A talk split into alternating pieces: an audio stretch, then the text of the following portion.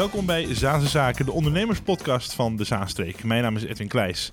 Abonneer je op ons programma via Spotify, iTunes of je favoriete podcast-app. En volg ons via de bekende kanalen Facebook, Twitter en LinkedIn.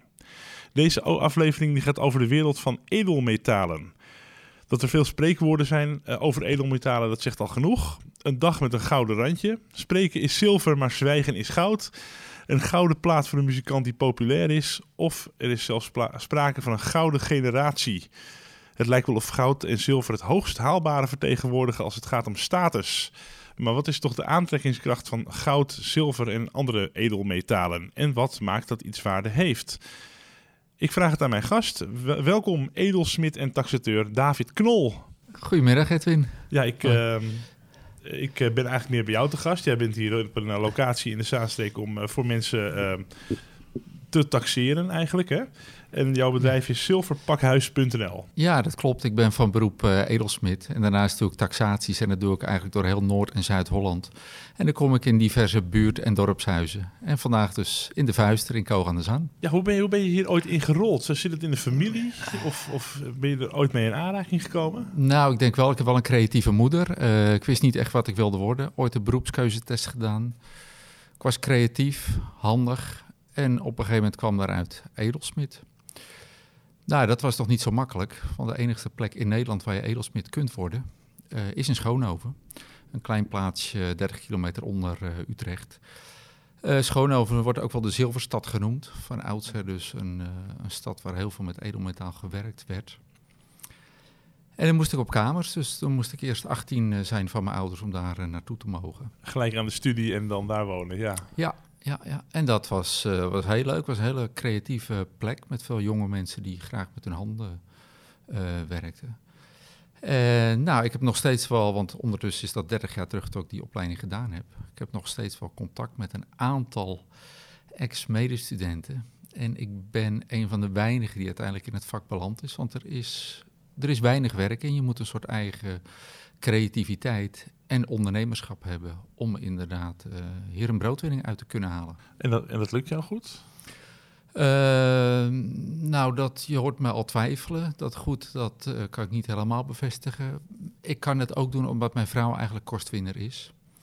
Uh, en daardoor heb ik altijd als edelsmid kunnen werken, omdat er altijd een hele goede financiële basis was. Um, dus op die manier kan, kan ik dit, dit vak uitoefenen. En het is een echt uh, mooi oud ambacht natuurlijk. Dus het is uh, een, rijke geschiedenis zit eraan. Ja, dat is absoluut waar. Het, uh, het vak van edelsmid, dat is echt wel een, een ambachtelijk vak. alhoewel ik wel een van de mensen ben die het zeg maar nog oldschool heeft geleerd. Dus bijvoorbeeld solderen echt met een vlam doet. Dus echt met een gasfles en een vlam. Tegenwoordig, de nieuwe generatie edelsmeden ja, het doet eigenlijk veel meer laseren. Dus als het ware lassen. Dus je werkt met een laser. Uh, waar ik bijvoorbeeld nog een... Uh, Dan kun je veel preciezer ook lassen, of is dat uh, geen verschil? Ja, het is preciezer. Je hebt geen oxidevorming. Je kunt modellen maken die je op de traditionele manier eigenlijk niet kunt maken. Bijvoorbeeld als ik ja, een zegelring moet maken, dan maakte ik die eerst in was. Die zaagde je, die veilde je in was en die, liet je, of die ga je gieten. Tegenwoordig wordt zo'n ring op de computer in een uh, computerprogramma getekend. Uh, de 3D-printer print het wasmodel uit. En je kunt dat laten gieten en je hebt gewoon een perfecte ring. Ik vind het wat jammer, want daardoor raakt het ambacht wat uh, ja, het verandert. Het vak verandert. Dus de 3D-printer heeft uh, ook in jouw branche een intrede al gedaan. Misschien Ab wordt het dan te perfect, omdat het dan niet met de menselijke hand is gemaakt. Dat nou, is misschien het, uh, de aantrekkingskracht. Dat is het absoluut. En dat is wel iets waar ik me ook in ben gaan specialiseren in die zin. Van ja, in een handgemaakte ring of sieraad zie je een foutje. En als je die foutjes iets meer gaat benadrukken, dus misschien wel wat grover gaat werken, krijg je opeens een hele andere stijl dan denken mensen, hey, dit ziet er echt wel, uh, wel handgemaakt uit. Dat is wel tof. Dan kun je ook je eigen stijl zo aangeven. Want um, wat, wat is voor jou het mooie aan, aan dan werken met, met goud, zilver, andere metalen? Uh, ja, het is... Um, Eén ding staat vast, het is arbeidsintensief. waar je bijvoorbeeld met schilderen of kleien of op een uh, draaibank houtbewerking doet, heb je vrij snel resultaat. Metaal is hard um, om te bewerken. Het solderen gebeurt op hoge temperatuur. Het afwerken is altijd heel tijdrovend. Um, ja, ik vind dat, dat vind ik wel leuk. Dat je wel iets ziet ontstaan, maar het is tijdrovend. En daarom ja, zijn sieraden over het algemeen ook duur. Je moet ook goed weten de, de gedragingen van het metaal onder bepaalde condities. Hè, met warmte en uh, of juist uh, onder andere uh, omstandigheden. Dat is absoluut waar. Uh, ieder metaal heeft inderdaad zijn eigen eigenschappen. Uh, ik werk dan bijvoorbeeld veel met goud en zilver. Mensen denken nou ook wel eens van, wil je even iets maken van titanium? Nou, dat is een metaal waar ik helemaal niet mee overweg kan, want het is gewoon zo verschrikkelijk hard dat je... Ja, ik heb er ook geen eens geschikte gereedschap voor. Wat maakt dat, dat goud en zilver edelmetalen zijn? Wat, wat maakt dat zoiets waarde heeft? Is dat de schaarste of ligt het aan hele andere dingen? Nou, dat, dat, moet je wel eventjes splitsen in twee dingen. Uh, het, het, heet een edelmetaal omdat het dus uh, in tegenstelling tot andere metalen niet corrodeert. Dus het verroest uh, niet. Het krijgt eigenlijk geen oxidevorming. Maar daarnaast is het gewoon wat het, denk ik, in de loop der eeuwen, en zelfs langer dan dat, millennia, speciaal en interessant heeft gemaakt, is dat het enorm moeilijk is om te winnen. Het is niet zo van, nou, ik graaf even een, uh, een paar kuilen en ik, uh, ik heb wat goud of zilver. Je moet echt enorm veel werk verzetten om goud of zilver te delven. En ik denk dat in de, in, in de hele geschiedenis zich ja. mensen tot uh, aangetrokken hebben legendarische verhalen ook veroorzaakt hebben. De goudkoorts en dat de, de goudzoekers. Ja. ja, en de zilvervloot. En, en ik denk zelfs nog steeds dat het wel uh, mensen uh, aanspreekt. Net als ook wel het spreekwoorden waar jij het over had. Dat goud, dat komt ook wel, wel overal, uh, overal in terug. Het was zelfs zo waardevol dat een hele tijd de, de, prijs van ons geld, de waarde van ons geld, was gekoppeld aan de goudvoorraad van een land. Op een gegeven moment is dat losgelaten. Nou, dat is een hele andere discussie. Dat vind ik erg zonde. Maar ja. Um, ja. Ja. Uh, dat, was, dus dat is echt garant. Want is goud altijd waardevast? Hè? In tijden van crisis bijvoorbeeld, dat mensen toch weer teruggrijpen naar het goud om daar hun geld in te investeren? Nou, ik, ik hou me daar wel een beetje mee bezig, inderdaad. Uh, ik ben natuurlijk een hele kleine speler. Als je naar de mondiale markt kijkt, dan denk ik dat er heel veel uh, geschoven wordt met geld. En tot er nog maar heel veel afgedekt wordt met, met, met goud of zilver. Je hoort wel altijd, een soort goud is een soort veilige vluchthaven voor beleggers. Nou, het, is iets wat waardevast tenminste is. En dat zijn niet heel veel, dat zijn niet heel veel dingen in het leven. Nee, dat klopt. Uh, dat is natuurlijk wel gebaseerd op, uh, op vertrouwen. Uh, maar dat is, dat is het, het, het systeem van geld ook. het is overigens wel zo dat het, het geldsysteem ooit uitgevonden of ontwikkeld is door een goudsmid. En ook wat je net al aangaf, inderdaad, vroeger was geld echt van goud of zilver gemaakt. Nou ja, in 1967 bijvoorbeeld heeft Nederland de zilveren guldens en rijksdaalders verruild voor nikkelen guldens en rijksdaalders. Dus toen werd dus het, uh, het zilvergeld eigenlijk losgelaten.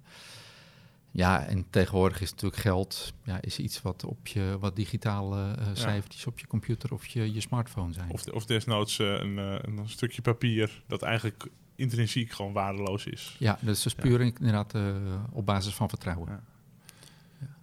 Ja. Eh, is er een, um, nou je zei al, die bepaalde, bepaalde opleiding, hè, die, die je dus hebt, uh, waarvoor je dus uh, vroeg het huis bent gegaan en ja. lekker op kamer bent gaan, gaan worden. Ja. Wat, wat zijn de belangrijkste dingen die je daar hebt geleerd? Of komt, komt er bijvoorbeeld ook ondernemerschap, wordt er ook geleerd, wat je tegenwoordig meer ziet in opleidingen? Nee, dat was eigenlijk totaal onderbelicht. Het was een, een, een ambachtelijke opleiding. toen ik de opleiding hield, werd er ook wel wat meer gekeken naar creativiteit. Maar je mocht bijvoorbeeld uh, ja, vijf dagen werken om een ring te maken. Uiteindelijk kom je bij je eerste werkgever. En die zegt, ik heb hier één ring. Maak jij er vandaag even vijf na. Dus bijvoorbeeld productiewerken. Ja. Heb ik tijdens mijn opleiding niet geleerd. Reparatiewerk. De praktijk, mm. ja. Ja, ja, reparatiewerk ook niet op school geleerd. Maar inderdaad, bedrijfsvoering eigenlijk ook niet geleerd. Wel wat bedrijfskunde, bedrijfseconomie. Uiteindelijk is dat iets wat je echt in de praktijk leert. Um, ik denk dat dat ondernemen uh, ook wel wat in je moet zitten. Neem niet, ja, denk ook, ik ben creatief, niet alleen qua sieraden, maar ook qua ondernemen. En dat is denk ik ook mijn sterke, mijn sterke kant. Maar je moet ook je kansen zien. Uh, je komt uit Alkmaar. We Ja. spreken elkaar nu in Kogende Zaan. Uh, Ja. Maar uh, ik zag op je site, je reist heel Noord- en Zuid-Holland af. Allemaal langs buurtgebouwen of, of dingen om daar gewoon... te- daar, daar, daar kondig je jezelf aan gewoon in de het buurtkrantje of met een flyer van... nou, eh, donderdag of eh, volgende week dinsdag kun je terecht Ja. voor eh, een taxatie van je goud en zilver. En dan gaan mensen Ja. opeens denken... oh, ik heb nog iets liggen wat van oma is geweest... of iets liggen in dat linkerlaadje ergens... Ja. En wat er al jaren ligt en wat ik niet weet wat ik daarmee moet, eh, moet doen. Dus dan creëer je ook voor jezelf weer de kansen. Nou, zoals je zegt, dat klopt. Dat ik heb eh, 15 of 20 jaar achter de werkbank gezeten. Op een gegeven moment komen de muren wel een beetje op je af. En dan denk je van, hé, hey, wat kan ik nog meer doen binnen mijn vak? En er is dat taxeren en inkopen van eh, oude sieraden en munten op mijn pad gekomen. En ja, dat eh, vond ik enorm leuk om te doen. Het is een soort eh, schatgraven. Eh, sommige mensen noemen het ook urban mining. Eigenlijk om dus eh, de, eh, eh, het mijnen in de natuur wat tegen te gaan, zeggen ze ja, er is eh, voldoende metaal eh, is er al onder de mensen. Ehm, en dat, dat ben ik eigenlijk aan het mijnen. Dus inderdaad, wat je zegt, ik ga eigenlijk heel Noord- en Zuid-Holland af, kom in allerlei plaatsen. En ehm, mensen komen bij mij met, eh, met, hun, met hun, hun sieraden of edele metalen. Nou, dan ondertussen kan je het wel uittekenen waar mensen mee komen. Dat zijn vaak oude trouwringen, kapotte kettingjes, armbandjes, een zegelring, gouden tanden, zilveren guldens. eh, dat zijn eigenlijk de standaard dingen. En dan heel af en toe dan vind je echt een pareltje, dus echt een mooi antiek juweel of een, eh, of een mooi handgemaakt eh, sieraad waar echt kwaliteit van afspat. Oh, dat is het meest bijzondere dat je ooit bent tegengekomen in die jaren. Ja, dat was echt wel een middeleeuws eh, eh, sieraad. Dat was een eh, fantastisch mooie speld. En die heb ik getaxeerd. En helaas wilden die mensen er geen afscheid van nemen. En nou, misschien maar goed ook. Want toen ik vertelde wat het was en wat die waard was, werden die mensen wel blij. En ehm, dacht, ja, die heeft ook wel een goed plekje daar. Nou, als, als het natuurlijk maar eh, op, op de goede plek is, ook emotioneel. Want je hebt de materiële waarde en je hebt natuurlijk de emotionele waarde. En die zijn niet altijd in balans met elkaar.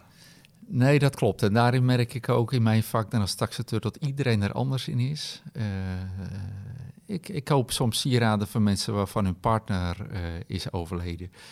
En die zitten echt inderdaad met tranen in hun ogen. Maar die hebben toch wel overwogen die keuze gemaakt van... oké, ik doe er niks meer mee, dus ik verkoop het. Ehm, en andere mensen die hebben daar veel minder moeite mee. Die hebben zoiets van, ja, ik hoef het niet meer. Mijn kinderen hoeven het niet meer. Ik heb er een tijdje plezier van gehad en eh, prima, het gaat gewoon weg. Dus ja, dat is, dat, dat- daar zijn mensen heel, de emoties heel, eh, heel divers in. Is er nooit iemand geweest met spijt? Ik zeg het er wel altijd bij, hè. ik hou de, de sieraden, die hou ik een x-aantal dagen voordat ik ze omsmelt. Ik doe de taxatie-inkoop nu 12 jaar. Echt wel mensen aan tafel gehad die, eh, die twijfelden. Toen zei ik dat ook, maar ik heb nog nooit mensen gehad inderdaad die één of twee dagen later belden van nou, ik wil het toch, eh, toch terugkopen. Beslist is, is beslist. Ja. Ja, merk ik wel. Ik merk wel, als mensen twijfelen, zeg ik altijd: neem het weer mee naar huis. Je hoeft niet direct aan mij te verkopen. Denk er lekker over na. Eh, je hebt me gegevens, dus je kunt er altijd op terugkomen. Ehm, als ik eh, dingen hoor over goud, dan hoor ik er verschillende soorten goud. Wit goud en ik hoor dingen over karaats. Wat, voor mij als leek, wat betekent dat allemaal? Ja, dat is altijd wel iets wat, wat mensen eh, interessant of soms lastig vinden. Het is eigenlijk, zo kun je het stellen, als goud uit de grond komt, dus als het gedolven wordt, noem je dat puur goud. Ja, hebben we ooit een benaming aangegeven, dat is 24 karaats goud. Eigenlijk ongeschikt om te verwerken tot sieraad, is gewoon te zacht. In Nederland heeft men gekozen om dat eh, te legeren tot 14 karaats goud. Daaronder mag het wettelijk geen goud heten. Want wat is karaat? De, de hardheid van het goud dan? Nee, de hoeveelheid. Dus de hoeveelheid deeltjes. Eh, dus van de 24 karaat, dat staat eigenlijk voor 24 deeltjes. En dan in Nederland noem je het 14 karaat. Dus dan zijn eigenlijk 14 van die 24 deeltjes is goud. De overige 10 delen, dat zijn eh, andere metalen, zoals zilver of koper. En als je wat meer zilver erbij doet, krijg je dus wit goud. Doe je wat meer koper erbij, dan krijg je rood goud. Vier, eh, 14 karaat is 14 24ste goud dus. Correct. Kijk, dat is En- een leerzame podcast dit, hè? Dat is toch leuk? En als je dat eh, omrekent in procenten, is dat 500, eh, of in promiel moet ik eigenlijk zeggen. Als je het omrekent in promiel, is dat 585 promiel. Daarom staat er ook heel vaak in een 14 karaats goud sieraad het getal 585. Zo de twee rekenwaardes eigenlijk even eh, die het vertegenwoordigt. Ja. Ik wil straks van je weten wat je er allemaal mee kunt, hè? want je bent edelsmid, dus eh, Ja. dingen repareren, dingen maken. Ja. Maar eerst, eh, nou, we zitten hier eh, in jouw taxatieruimte voor vandaag. Ja, Ik heb net ook twee mensen gezien die binnenkwamen met sieraden die van een van de ouders waren geweest, die, die was overleden en die, waar ze toch afstand van wilden doen. Eh, als mensen bij jou komen, hoe ga je dan te werk? Eh, nou, ik geef ze eerst een hand en ik, ik begroet ze. En ik, eh, ja, ik merk ook, mensen zijn wel eens een beetje nerveus. Die denken ook van waar kom ik terecht? Dus ik, ik, ja, ik praat wel makkelijk. Dus ik, eh, op die manier stel ik ze een beetje gerust. Ik vind het echt zelf ook leuk. Ik ben altijd nieuwsgierig wat er uit een tasje komt. Alhoewel ik er dus al vaak kan uittekenen waar mensen mee komen. Maar het blijft altijd een verrassing. Ehm, dan ga ik altijd eerst kijken van, hey, eh, wat is goud, wat is zilver of wat is nep? Dat kun je dus vrij makkelijk scheiden door te kijken naar de keurtekens die er aanwezig zijn. Als die er niet zijn en je twijfelt of iets echt is of nep, dan kun je het zelfs nog testen. Dus dat scheid ik dus het eh, echt van het nep en dan ga ik dus de waarde bepalen. Ja, want ehm, als, als ik, ja, ik heb eh, straks een ring en die wil ik even aan je geven zo in de opname om te, te kijken wat die waard, eh, wat, die, Ja. wat die waard is. Dan, Ja. dan kijk je naar de instrumenten. Ik zag dat je daar een, eh, een speciale bril voor op zit. Nou, eigenlijk een vergrootglas. Een Want die, die, die keurtekens die zijn zo klein. dus ja, die kun je eigenlijk met het blote oog slecht Een onderscheiden. keurteken, dat is eh, iets wat er is toegevoegd, een soort stempel. Ja, in Nederland heb je nog, nog één, of tegenwoordig twee keurkamers. Maar eh, eigenlijk de grootste keurkamer, die zit nog altijd in Gouda. Als je dus als edelsmid eh, een sieraad hebt gemaakt of als juwelier een sieraad wilt verkopen, dan moet er dus een keurmerk in staan. Nou, dan stuur je hem op of je brengt hem naar de keurkamer in Gouda. Die test het. Als die een, eh, goed bevonden hebben, wordt er een keurmerk ingeslagen. Dan weet je dus ook als consument, hey, dit sieraad is goedgekeurd, dus ik word hier niet bedonderd. Dit is echt goud of echt zilver. Die keurtekens kan ik natuurlijk ook weer lezen. Dus als het gekeurd is, weet ik zeker, dit is echt, hoef ik het niet te testen. Maar ja, zo'n keurteken kan eruit slijten. Eh, door bijvoorbeeld een ring te verkleinen, kan het, eh, het keurmerk eruit eh, gehaald, eh, tussenuit gehaald zijn. En dan heb ik de mogelijkheid om het materiaal nog te testen. En hoe test je dat? Eigen, ik test het nog op een, heel, eh, op, op een, op, op een hele ouderwetse manier. eh, door middel van een zogeheten toetsteen en koningswater. Dus je, je schraapt een heel klein beetje van het goud af met een bepaalde steen. Dan ga je met eh, toetswater, koningswater overheen. En als dat streepje blijft staan, is het goud. Als het streepje verdwijnt, is het geen goud. Al een eeuwenoude test. Dat is Maar gewoon een chemische reactie van het materiaal. Ja, ja, ja. En dan, eh, nou ja, dan, eh, beschikken de mensen zich een hoedje wat het waard is. Ten positieve of ten, ten negatieve natuurlijk. Eh, en dan kunnen ze het bij jou ook eh, verkopen. Over het algemeen schrikken zich de mensen wel een hoedje inderdaad in positieve zin van het woord. Van die hebben een, een kistje sieraden of gekregen of georven of misschien zelf ooit gekocht wat ze niet meer dragen. En de goudprijs is op het moment echt wel flink hoog. Dus dan hebben mensen inderdaad een x-aantal sieraden, bijvoorbeeld een trouwring, een zegelring, nog wat kettingjes. En dan loopt die prijs eh, zomaar eh, richting een paar honderd euro op. En dan zijn mensen eigenlijk altijd wel positief verrast. Heel af en toe mensen erbij zeggen, eh, zitten die zeggen dan van... hé ja, maar die, die, die, die ring is nu 120 euro waard. Maar daar heb ik ooit 400 gulden voor betaald. Maar goed, er wordt natuurlijk ook door de juwelier eh, winst gemaakt. Dus En arbeidsloon om die, om die ketting te maken en dat soort dingen. Ja, Ja, het is niet die- alleen maar het materiaal. ja, die arbeidsloon die krijg je dus niet vergoed. Je krijgt inderdaad de, de restantwaarde van het, eh, Ja. van het metaal. Want de goudprijs is nu hoog. Ja. Ik heb wel eens gehoord, dat heeft ook te maken als het crisis is bijvoorbeeld. In 2012 ben ik bij een juwelier geweest met een ring. En die zei, ja, als je er nu iets aan wil laten veranderen of goud wil bijdoen, dan is het best wel duur. Ja, heb dat klopt. ik besloten hem te bewaren voor tot het later. Maar nu is het geen crisis. Het gaat dus een tierenlier met de economie. Maar dat heeft Ja. dus niet altijd dat niet elkaar met elkaar in verband dus. Nee, dat is geen ijzeren wet inderdaad. Maar ja, die, die, die, die mondiale economie, ja, die, die is denk ik voor ons als leek... en misschien ook wel voor professionals natuurlijk niet te begrijpen en ook niet te sturen. Ehm, normaliter was het zo dat inderdaad als de aandelenbeurzen... dan bijvoorbeeld de Dow Jones omhoog ging... wat die sinds eh, eh, de aanstelling van Donald Trump eh, natuurlijk... die is omhoog geschoten, de Dow Jones... Normaliter gaat dan de goudprijs omlaag. In dit geval is het goud ook stabiel gebleven en stijgt nu zelfs licht. Dus dat is ook geen ijzeren wet. Dus ik denk dat niemand daar wat zinnigs over kan zeggen. Over wat die goudprijs eh, doet. Ja, ik, vind, ik, want ik zag eh, op jouw folder staan dat de goudprijs is nu heel hoog. En dacht ik, hé, dat is Ja. toch, eh toch anders dan ik, dan ik dacht. Ja. Ik heb wat meegenomen. Misschien kan ik het even laten zien. ja, natuurlijk. Ik zal even een van de, voor, van de voorwerpen laten zien. Ik heb er meerdere hoor bij me. Ja, Eh, zegelring hier. Ik zal Ja. de foto daarvan even op eh, onze Twitter zetten. Twitter.com slash Zaken. Dan kunnen mensen zien wat voor, eh, als de uitzending online komt, wat, wat voor zegelring het is. ja. Hij is, ehm, eh, ik denk het verhaal is er vaak ook mooi bij. Hè? Het is van een oud-oom van mij geweest. Ik heb het van zijn vrouw gekregen nadat hij is overleden, tien jaar geleden. ja. Ehm, om er eigenlijk iets mee te doen. Iets, ehm, hij past mij niet. Nee. Maar om daar misschien een andere ring van te laten maken, te laten omsmelten, misschien wat goud erbij en daar een mooi ringetje als aandenken aan eh, de oud-oom, waar ik een nog hele goede band mee had, eh, te maken. Ja, dat kan natuurlijk altijd. Een sieraad vermaken, dat eh, kan altijd. Als ik zo kijk naar het sieraad, is het inderdaad een wat gedateerd model zegelring. Ik denk ook dat hij weinig gedragen is, want hij ziet er gewoon nog prima uit. Steen is niet echt beschadigd. eh, De, de achterkant van de ring is nog niet eh, sleets.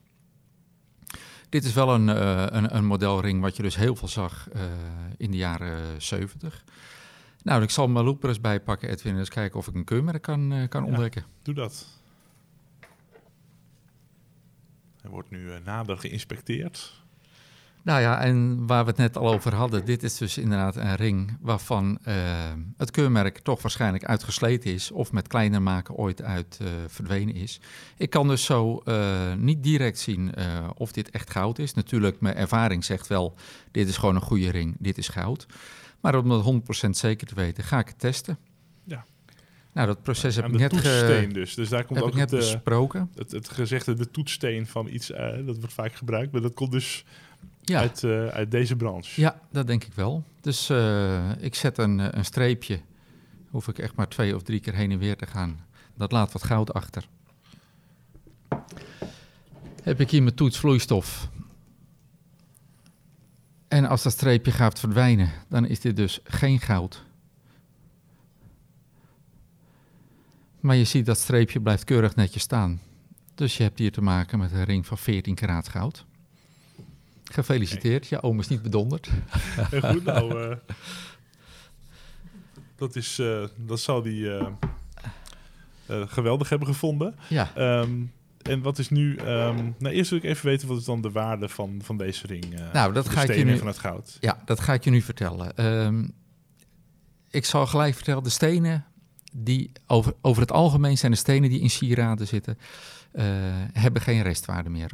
Vaak zijn ze beschadigd eh, of niet meer gewild, behalve natuurlijk onze kostbaarste steen, eh, de diamant.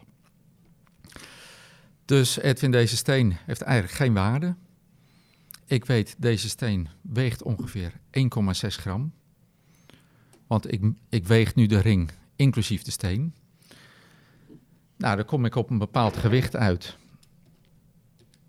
Daar haal ik dus het gewicht van de steen van af.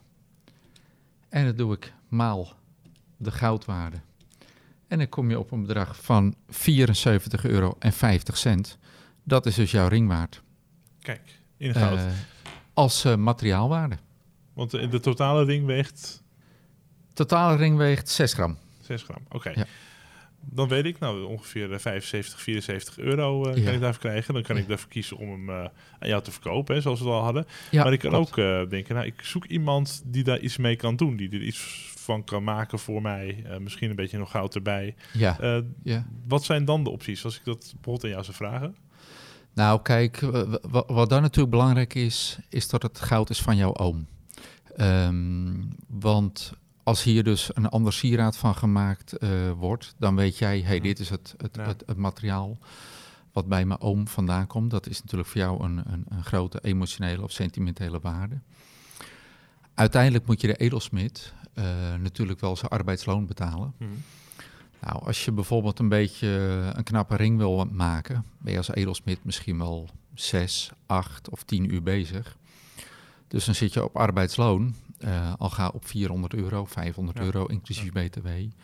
Ehm, dus dat materiaal is op dat moment eigenlijk maar een klein onderdeel van het totale eh, Kostprijs van van het sieraad.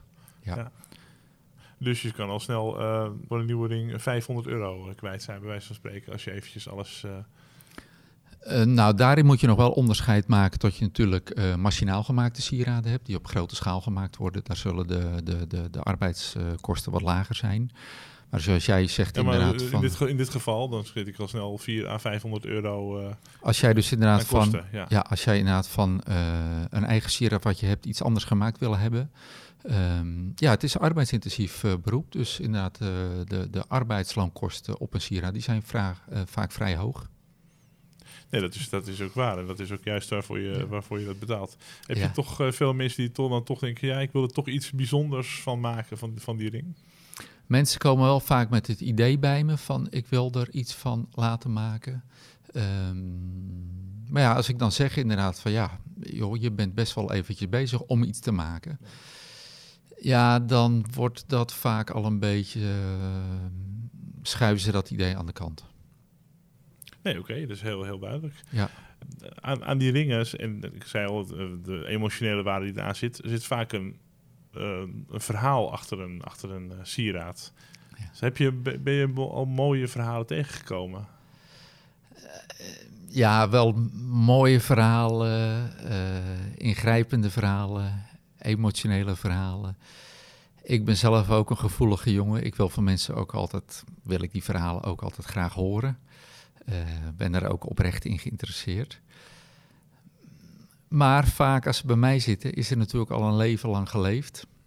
Is eh, een van hun partners eh, of eh, een partner overleden, of misschien een van hun kinderen overleden. Dus er zit nog wel wat emotie aan. Maar ik heb natuurlijk ook mensen die doen blij afstand van een sieraad. Die zeggen, ja, ik heb dit ooit gekregen toen we gingen verloven. 30 jaar lang gedragen, maar nu hoef ik het niet meer. En, dus ja, die verhalen kunnen heel divers, heel divers zijn. Daar zou je dus ook nog een boek over kunnen, over kunnen schrijven. Ja, soms hebben ook de Ja. dingen een hele bijzondere geschiedenis. Want ik zie bijvoorbeeld eh, in jouw informatie van jij, je, ja, de, de huistuin en keuken, trouwringen, die is allemaal heel bekend. Maar je taxeert ook andere dingen. Ja, Chinees porselein staat er, antieke wapens, bloedkoraal, oorlogsspullen, penningen, aparte items. ja.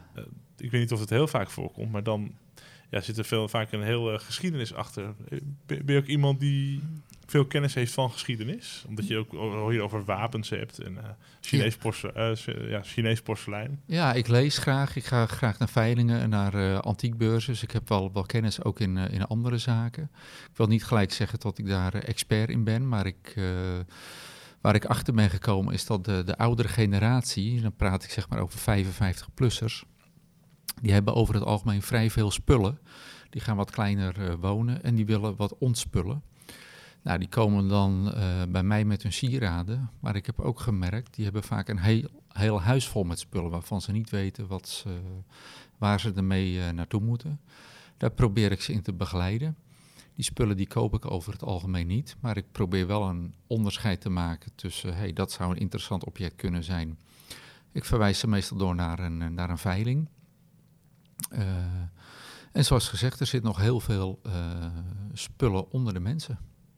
Ja, en eh, dat blijft toch altijd om, omhoog komen. Ik denk over twintig jaar komen we nog dingen tegen. Is net als wat je op tv ziet bij Kunst en Kitsch bijvoorbeeld. Ja, dat Soms blijft... eh, mensen op zolder iets, ja, Ja, nou, dat is absoluut waar. Uh, mensen zijn toch, uh, toch, toch, toch, heel vaak verzamelaars en ja, leggen dat nog weg voor of voor slechte tijden of van, nou ja, ach, het ligt niet in de weg. Dus, en dan komt het vaak dus bij een verhuizing of een huisontruiming, komt het naar boven.